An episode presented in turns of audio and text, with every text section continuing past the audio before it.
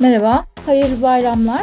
İyi bayramlar. Gündelik hayatın genelde kitle iletişim araçlarına yansımış halini psikolojik perspektifinden konuştuğumuz Psikokes programının yeni bölümüne hoş geldiniz. Bugün yaklaşık bir haftadır gündemimizde olan Filistin meselesini konuşacağız. Türkiye'de halkın meseleye genel yaklaşımı zaten malum. Ancak uluslararası kamuoyunda Filistin'e yönelik şu an devam eden saldırılar farklı bir yorumla da ele alınabiliyor. Bilindiği gibi 1948 yılından itibaren Filistin topraklarında İsrail Devleti'nin kuruluşunun ilan edilmesiyle Orta Doğu'nun en uzun soluklu ve muhtemelen en kanlı sorunlarından biri de başlamış oldu. İsrail'in kendi vatandaşları kabul ettiği insanlara tahsis ettiği yerleri gittikçe ve yani keyfiden başka bir tanım bulamadığım şekilde genişletmesi hali hazırda orada bulunan Filistinlilerin yaşam alanlarının daraltılmasıyla paralel şekilde devam ediyor. Günümüze geldiğimizde Filistinlilere kalan bir parça alanın bile hala sorun olduğunu ve İsrail Devleti'nin hala bu alandan gelen tehditlere karşı kendini savunmak için ablukayı daraltmak zorunda kaldığını iddia ettiğini görüyoruz. Tarihi arka planı tabii çok daha detaylı ve bir o kadar da trajik. Biz ise daha çok işgalci psikolojisini konuşacağız sanırım.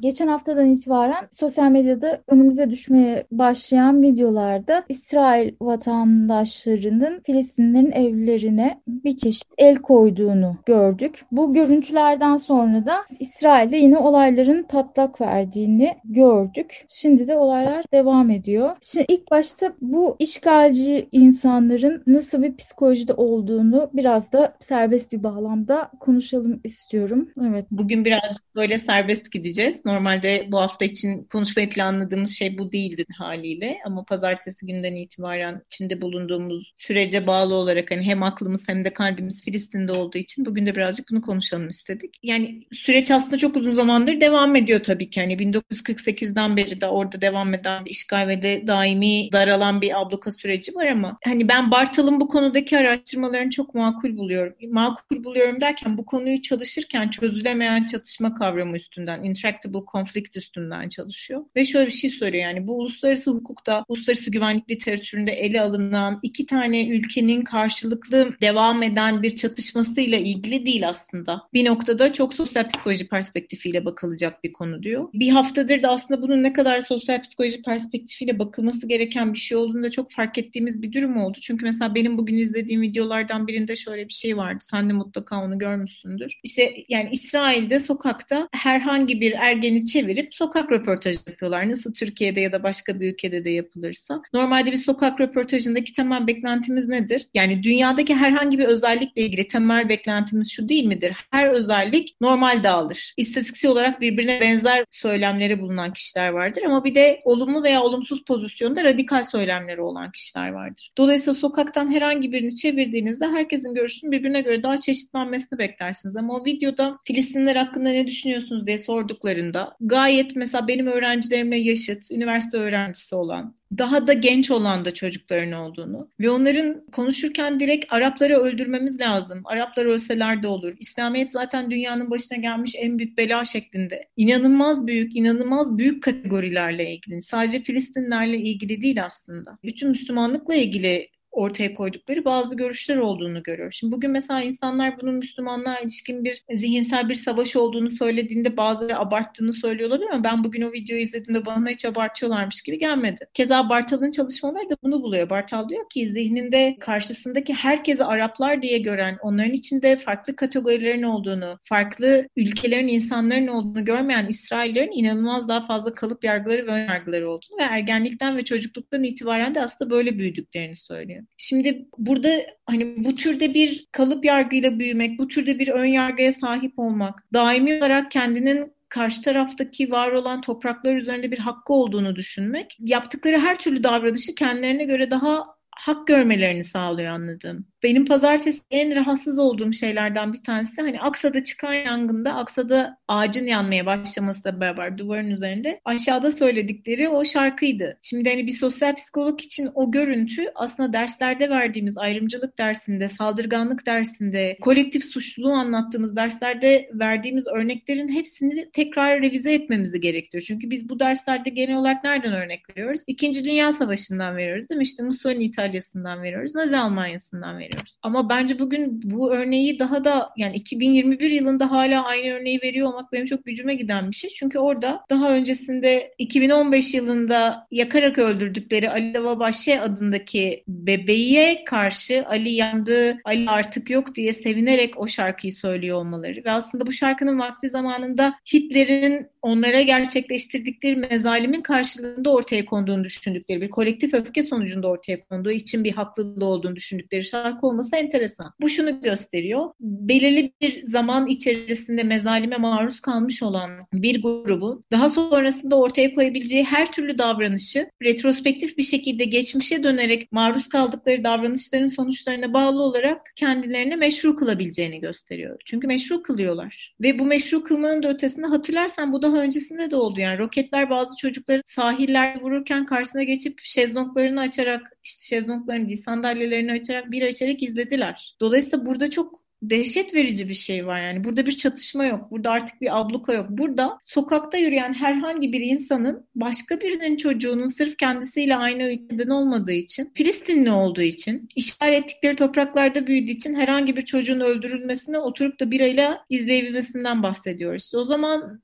hani bugün seninle de daha demin konuştuk ya yani o zaman Hannah Arendt'in dediği bana inanılmaz doğru. Yani kötülük inanılmaz sıradan. Hatta şu anda içinde bulunduğu pozisyon açısından bakarsak hani İsrail'in baktığımız zaman bu sıradanlığı bile geçmiş durumda. Bu artık hani sıradan bir kötülük değil. Olması gereken norma dönüşmüş bir kötülük. Orada bu sürecin bu şekilde devam etmemesi gerektiğini düşünen Yahudiler olduğuna eminim. Yürüyüşler yapmaya çalıştıklarına eminim. Bugün mesela öyle haberlerde de vardı. Filistinlere karşı olan bu ablukayı ortadan kaldırmanın devam ettirmemenin ya da bireysel olarak insanların evlerine gidip de bu ev güzelmiş ya bundan sonra benim evim olsun diyerek belirli bir eve yerleşmekten vazgeçmenin çok daha makul olduğunu söyleyen Yahudiler de yürüyüş yapıyorlardı. O Yahudilere karşı da İsrail polisi yine tazikli su sıktı ama ikisinin arasında bir fark var. Filistinlilere tazikli su sıkarken pis su sıkıyorlar değil mi? O suyun içerisinde neler olduğunu aslında hepimiz biliyoruz ama konuşamıyoruz. Ama diğer tarafta ise temiz su sıktılar. Dolayısıyla her halükarda ortaya koydukları davranışların inanılmaz bir ayrımcılığı olduğunu görüyoruz. Ama burada bu işte birinin evine girip de onu işgal eden bunu kendi nasıl rasyonize ediyor dediğinde benim yıllar öncesinde dedemin dedesinin dedesini öldürmüştü onun dedesinin dedesi diyerek geçmişteki var olduğunu düşündükleri bir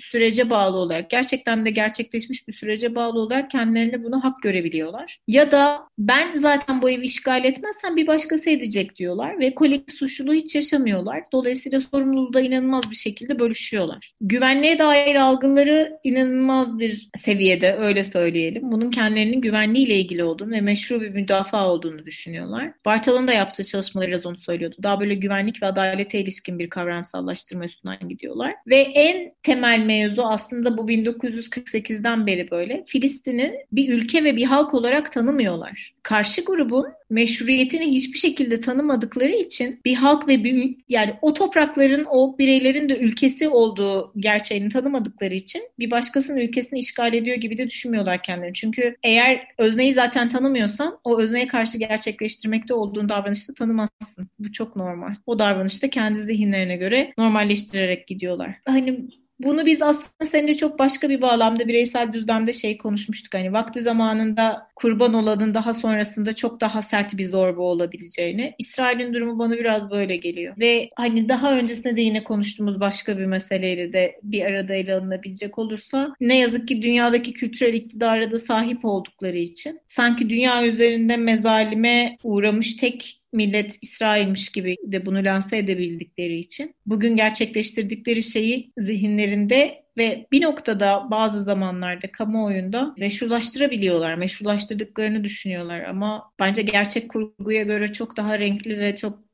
hani ortaya çıkabilen bir şey. O yüzden de bunun meşru olmadığı çok net bir şekilde görünüyor diye düşünüyorum. Evet programa başlarken daha çok işgalci psikolojisini konuşuruz diye düşünüyordum ama şimdi sen de deyince daha önceki programlarda da çok konuştuk biz bunu. Mazlumun zalime dönüşme sürecini işte kurban olmayı seviyor muyuz programımızı da dinleyebilir şu ana kadar dinlememiş olanlar. Şimdi bu mazlumun zalime dönüşme süreci de evet işte önemli bir şey ama bir de önceki zalimin tutumu üzerinde de biraz durmak istiyorum. Yani hani kültürel iktidar falan dedin ya. Şimdi e, daha önceden işte Yahudilere soykırım uygulandı. Avrupa'daki Yahudilere kim tarafından uygulandı? Avrupalılar tarafından uygulandı. Şimdi yani İsrail'in bugünkü katliamlarının en yılmaz savunucularından biri kim? Avrupa yönetimleri. Yani şöyle bir psikoloji de var gibi geliyor bana. Bilmiyorum sen nasıl açıklarsın bunu ama yani kendi suçunun bedelini başkalarına yapılan zalimlikler üzerinden ödetme gibi bir şey görüyorum ben burada. Bilmiyorum ne kadar doğru ama bugün gördüm Fransa'da da İsrail karşıtı gösterilerin yasaklandığına dair bir haber vardı.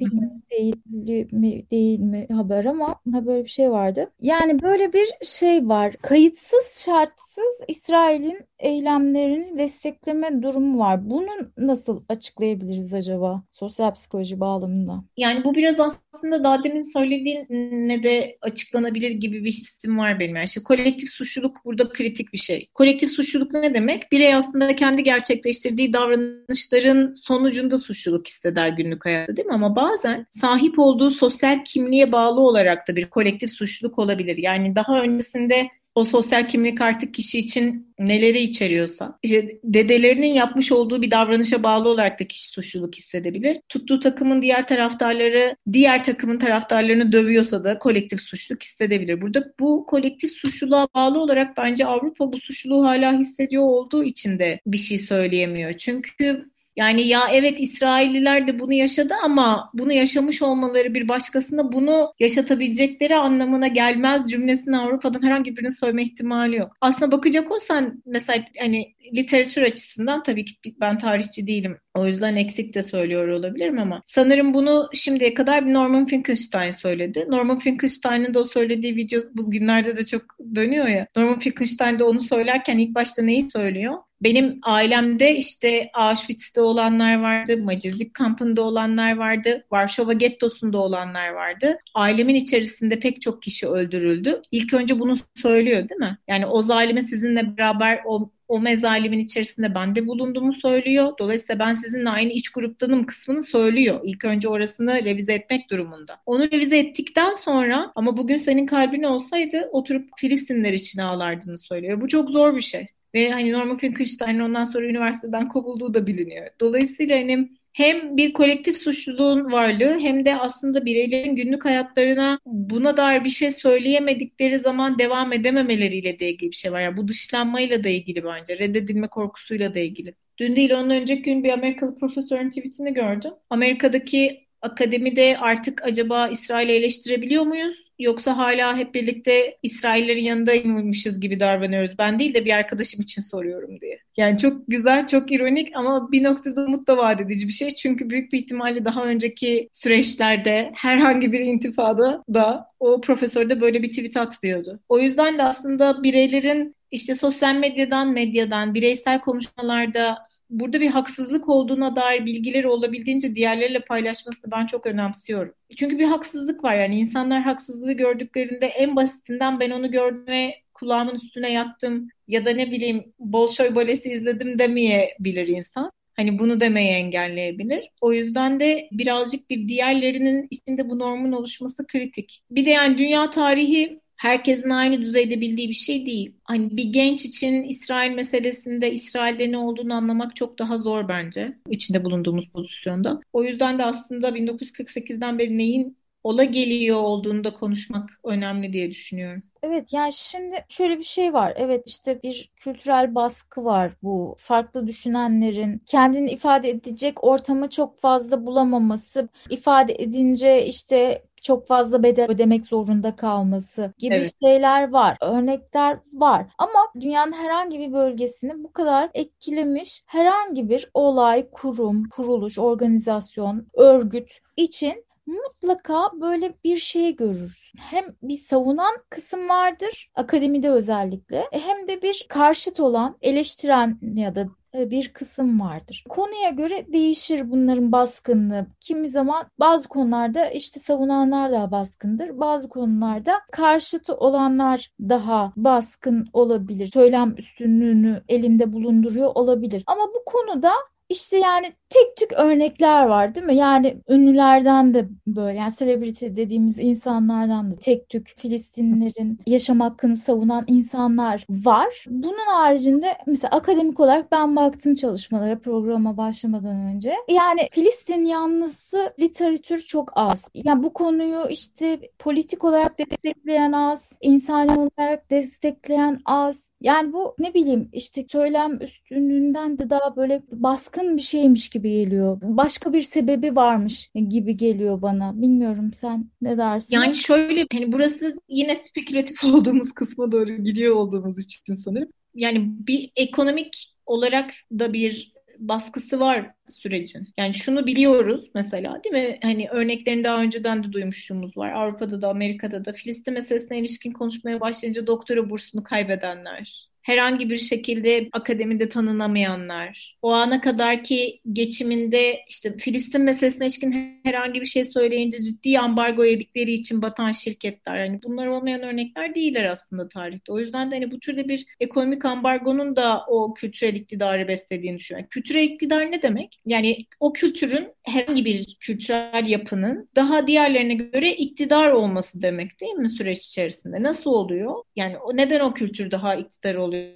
oluyor diğerlerine göre. Çünkü o kültür öyle ya da böyle daha beslenebiliyor. Daha devam ettirilebiliyor. Daha süreyen kılınabiliyor. O işte herhangi bir şekilde o alt kültürün ortaya koyduğu ürünlerin karşılığında elde etmesi gereken maddi olarak elde ettiği ödüller daha fazla oluyor. Yani Filistin'le ilgili hangi film Oscar aldı bugüne kadar mesela? Yani burada hem ekonomik hem de kültürel devam eden bir iktidarları var. Dolayısıyla bu da birazcık bence meseleyi çok zorlaştırıyor. Yani biz de Türkiye'de değil başka bir ülkede olsaydık acaba Filistin meselesine ilişkin hem bu kadar canımızın yandığı bir durum olacak mıydı hem de bu kadar rahat konuşabilecek miydik bilmiyorum. Hani bakmak lazım, düşünmek lazım. Yani yine konuşurduk büyük bir ihtimalle ama içinde bulunduğumuz sosyal bağlamla da ilgili bir şey. Konuşacaktık, dışlanacaktık. Ama burada dışlanma ihtimalinin çok daha az olduğunu biliyoruz biz. Çünkü yani Türkiye'nin bu meseledeki duruşunun farkındayız. Onun da getirdiği bir rahatlığı yaşıyoruz. Ama başka ülkelerde bu çok zor bir şey. Hem kültürel iktidar açısından hem ekonomik olarak sanırım. Ama hani yani işte yine Arendt'e döneceğiz ya da işte Zimbardo'yu da konuştuk daha öncesinde kahramanlık kavramını. Ne olursa olsun sosyal bağlam insanı nereye sürüklerse sürüklesin. İnsanın kendi vicdanıyla verdiği bir cevap var yani. O cevaba göre gitmesi gerekiyor. Bence bu meselede en kritik şey bu. O cevaba göre meselenin içerisinde kalmak gerekiyor. Yine dün bu hafta çok fazla Twitter örneğiyle doldu durum ama onu da söyleyeyim. Glasgow'daki mültecileri polis almaya gelmiş. Gördün mü onu dün? Öyle bir kısa video vardı Twitter'da. Ama 200 tane İngiliz şeyin etrafını sarıyorlar polis arabasını. Polis arabasının ilerlemesine engel oluyorlar. Ve yani takribi bir buçuk iki saatti galiba yanlış hatırlamıyorsam. Bir buçuk iki saat boyunca öyle duruyorlar. Polisin de yapabileceği bir şey yok. En sonunda hani o diğer insanların her birinin komşusu olan göçmenleri bırakmak zorunda kalıyor. Bu bence çok kıymetli bir şey. Filistin meselesinde de hani dünyadaki herkesin yapabileceği şey bu. Dünyadaki bütün sivillerin hepimizin yapabileceği şey bu. Yani eğer orada bir abluka varsa biz de belki hani o ablukanın etrafını sosyolojik olarak, psikolojik olarak manevi olarak sarıp burada yapılanın yanlış olduğunu söyleyebiliriz. Yani başka türlü burada bir o kolektif suçluluğun nesilden nesile aktarılmasının başka bir yolu olduğunu ben düşünemiyorum açıkçası. Ve hani ne olursa olsun nasıl bir tırnak içinde İsrail bunu bir meşru müdafaa olduğunu söylüyor ama nasıl bir meşru müdafaa olursa olsun hani bir kadının, bir çocuğun, bir sivilin namaz kılmakta olan bir cemaatin öldürülmesinin hiçbir şekilde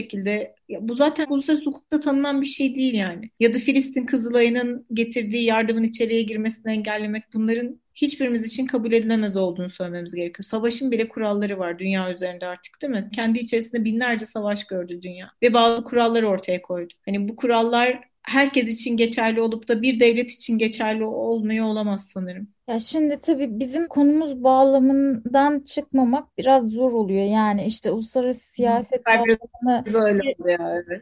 Evet, uluslararası siyaset bağlamına girmeden konuşmamız gerekiyor. Onun için şeyi soramıyorum yani Soramıyorum deyip soracağım çünkü şu an gidişatın ne olduğunu Yani bak. karşında bir mesela ordu olmadan nasıl savaşta olduğunu iddia edebiliyorsun gibi yani düzenli bir ordu olmadan başka bir ülkenin varlığını tanımadan o ülkeyle nasıl savaşta oluyorsun? Halihazırda o ülkede bulunan insanların vatandaşlığını kabul etmeden nasıl herhangi bir statüde o insanları değerlendirebiliyorsun falan. Bunları soramıyorum. Daha çok psikoloji üzerinden gitmemiz gerektiği için ama Ama işte şunu söyleyeyim. Oradaki bütün çelişkilerin cevabı daha öncesinde biz de bu çelişkilere maruz kaldık. Yani psikolojik olarak orada ne söylersen söyle, ne kadar büyük çelişkiler olursa olsun bu çelişkiler dünyada ilk defa Filistinlerin başına gelmiyor. Biz Yahudilerin de geliyor geldi çünkü böyle yani yapılan araştırmalar bunu söylüyor. Dolayısıyla suçluluk hissetmiyorlar. Yani bu daha öncesinde bizim yaşadığımız bir şey diye daha öncesinde yaşadıkları bir şeyi başkasına yaşatmayı makul buluyorlar bir noktada. Evet yani şunu sorayım son olarak. Bir tarihi bir yapının varlığına duyulan öfke beni çok yani şey yapıyor. ilginç buluyorum yani o görüntüyü zaten sen de başta söyledin çok dehşet verici bulduğunu. Aynı şekilde ben de o Mescid-i Aksa yanarken önünde coşkuyla tezahürat yapan İsrail vatandaşları benim de çok garip bulduğum bir görüntüydü. Bir tane fenomen galiba yani nereli bakmadım da ama onun mesela tweet'i benim şu an soracağım soru aslında şey demişti. Madem toprağın sahibi kendileri o zaman neden yanmasına seviniyorlar mı ne öyle bir şey. Yani o minvalde bir tweet görmüştüm. Gerçekten de yani bir yerin kendinin olduğunu iddia edip de oranın simgelerinden birine nasıl o kadar öfke duyuyor olabilirsin? Yani bu imgeyi nasıl yorumlarız sence? Yani o görüntüdeki o mutluluk tam olarak mutluluk da değil. Çok ajite bir pozisyondalar. Çok öforik bir pozisyondalar daha doğrusu. Ajite de değil yani. Hem çok coşkulu. Hani bunun sebepleri neler dediğinde hani kitle çünkü orada. Artık hani ben diye bir şey yok. Yani Yahudilerle ilgili daha öncesinde yapılmış bazı çalışmalarda da birazcık bundan bahsediyor. Alev Alattı'nın da buna ilişkin bir iki yazısını hatırlıyorum. Şu an ismini hatırlayamayacağım ama belirli bir dinin mensubu olmayla belirli bir ırktan olma arasında inanılmaz bir bağ kuruyorlar. Dolayısıyla dini kimlikleriyle etnik kökene ilişkin kimlikleri her ikisi de sabit. Yani biri Yahudi olmayıp da daha sonra Yahudi olabilmesi, sürece dahil olabilmesi gibi bir şeyden hiçbir şekilde bahsetmiyorlar. Şimdi bu kadar sabit bir kimlik ve bu kadar dışarıdan bir başkasına, yani dışarıdaki herkes dış grup düşünsene hiç kimse iç grup olamıyor hiçbir şekilde. O iç grup olabilmenin tek yolu ne? Kan bağıyla oluyor. İç grubun üyesi olabilmenin herhangi bir davranışla gerçekleşme ihtimali yok. Kan bağıyla ancak o grubun üyesi olabilir. Orada inanılmaz büyük bir grup sargınlığı var. Çünkü onların hepsi birbirleriyle eş dost akrabalar ve daimi olarak sahip oldukları bugüne kadar kültürel anlatıları neyi söylüyor? Yani kolektif bilinçleri neyle dolu? Dış dünyadaki herkes tehdit, dış dünyadaki herkes bizim soyumuzun kurumasını istiyor. Dolayısıyla biz birbirimize tutunacağız diyorlar. Bu inanılmaz bir grup sargınlığını ortaya çıkartıyor. Bu grup sargınlığının ortadan kalkma ihtimali de yani benim gördüğüm ne yazık ki yok gibi görünüyor. O grup sargınlığı ben diye bir kavramı hiç tanımıyor. Orada herkes biz. Herkes eşit. İşte o sevinenlerin videosuna bak orada aksa yanarkenki sevinenlerin. Kıyafetler aynı, her şey aynı. inanılmaz üniforma gibi. Hiç bireyselliğe dair hiçbir pozisyon yok ve çok anonim. Ve o sırada da kendileri için çok önemli bir şey var değil mi? Gelebilecekleri en ileri noktaya gelmişler artık. İşgal edebilecekleri en fazla yeri işgal etmişler. Karşı taraf için çok önemli olabilecek, kendileri için de önemli olabilecek bir yerdeler. Kabul ama onlar orayı yeniden yapabilirler. Yani yıktıkları şey karşı taraftaki kişinin tarihi olabilir. Kendi tarihleri değil. Çünkü kendi tarihleri zaten yeniden yapım, yeniden bozum, tekrar yapım, tekrar bozum üzerine kurulu. Yani kültürel anlatıyla sözel olarak sahip oldukları o anlatıları devam ettirebilirler. Ama bir yerdeki yapıya o kadar da bağlı değiller. Birbirlerine bağlılar. Yani bir yerden sürgün yemiş olan halkların bir kısmında vardır bu. Sürgün yiyen halklarda yapıya bağlılıktan ziyade topluma bağlılığı daha fazladır. Orada da biraz öyle bir durum var. Aksa'nın yanıp yanmaması, Tel Aviv'in mahvolması mahvolmaması, Gazze'nin yanması yanmaması buralarıyla ilgilenmiyorlar açıkçası. Toprakla ilgileniyorlar. Yapıyı tekrar yapabilirler. O toprak onların olsun yeter ki. Yani anladım da işte yani tamam tarihi yapılar işte önemlidir. Bizde de daha yeni Ayasofya'nın tekrar camiye çevrilmesini çok sevinen insanlar oldu falan ama işte yani Ayasofya'nın olayı hadi 100 yıllık bir mesele. Şimdi orada Mescid-i Aksa'nın yanmasına sevinen insanların işte sürgün edildikleri için diyelim ki işte rövanşını alıyorlar bilmem ne desen o zaman yani ne bileyim piramitlerin sinagoga çevrilmesini falan kutlamaları lazım ya da ne bileyim Kolezyumun işgalini falan kutlamaları lazım değil mi? Yani Mescid-i Aksa ile ne gibi bir olayları oluyor ben onu anlayamıyorum. Yani şey değil. Çünkü orada Mescid-i Aksa sadece kendileri için kutsal değil. Araplar için yani zihindeki şey o tırnak içinde Araplar için de kutsal. Sadece kendileri için kutsal olan bir yer olsaydı olabilirdi. Ama oranın yanıyor olması ya da oranın herhangi bir şekilde bertaraf olabilecek bir pozisyona geliyor olması aslında sembolik olarak Filistinlilerin yok olması olarak görünüyor zihinde büyük bir ihtimal. O öfori onunla ilgili. Çünkü o sırada söyledikleri şarkıda yapıya ilişkin bir şey söylemiyorlar. Köklerini kazımaya ilişkin bir şey söylüyorlar. Birinin kökünü nasıl kazırsın? Sadece onu ve çocuklarını öldürerek kazımazsın. Onu tarihten de silerek kazıtırsın. Onu nasıl tarihten silersin? Onun yaptığı anıtları ortadan kaldırırsın. Onun yaptığı işte camileri ortadan kaldırırsın. Onun dilini ortadan kaldırırsın.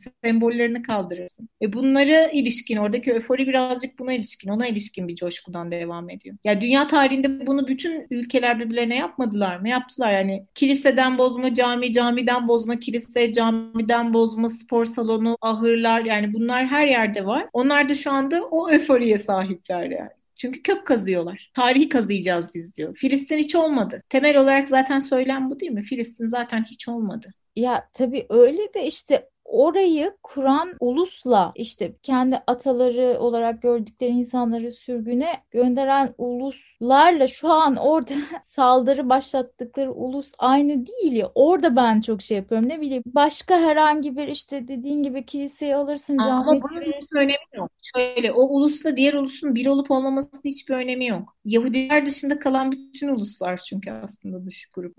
Onun hiçbir önemi yok yani. Biz mezalime uğradık ve bütün dünyanın bize borcu var. Yani oradaki diskur bu birazcık. O söylem o. O yüzden hangi grubun olduğu karşı tarafta onun hiçbir önemi yok açıkçası. Şu an tam hatırlayamıyorum. Yanlış da söylemek istemiyorum ama daha öncesinde aslında Afrika'da belirli bir yere yerleşme planı var. İsrail devletinin kurulma planı var. Öyle hatırlıyorum. Ama orada hangi kabileyle bu mevzunun tartışılacağı, işte hangi kabileye ödeme yapılacak toprak için falan meselesine bir anlaşma olduğunu amayınca ve zaten gelmek istedikleri yer Filistin toprakları olduğu için orada öyle bir vazgeçme oluyor. İsrail'in ilk kurulma zamanlarında. Tam tersi olsaydı da diyelim İsrail Afrika'da kurulsaydı. Şu anda bu konuştuğumuz şeyde biz ablukayı herhangi bir Afrika ırkı ile ilgili konuşuyor olacaktık. Dolayısıyla onun şeyle hiçbir alakası yok. Onlar yine aynı diskurla devam edecekti. Çünkü onların dışında dünyanın onlara bir borcu var. Evet. Yani oradaki rasyonelleştirme, oradaki davranışı meşru algılama geri kalan bütün grupla ilgili. Ve biz hepimiz bu sorumluluğu kendi aramızda dağıtmakla mükellefiz. Ve çocukluktan itibaren böyle büyüdükleri için de bunun hiçbir şekilde kırıldığını görmüyorsun. Çok enteresan yani. Evet, kültlerle ilgili başka bir bölüm yapacağımızı daha önce de söylemiştik. Şimdi aslında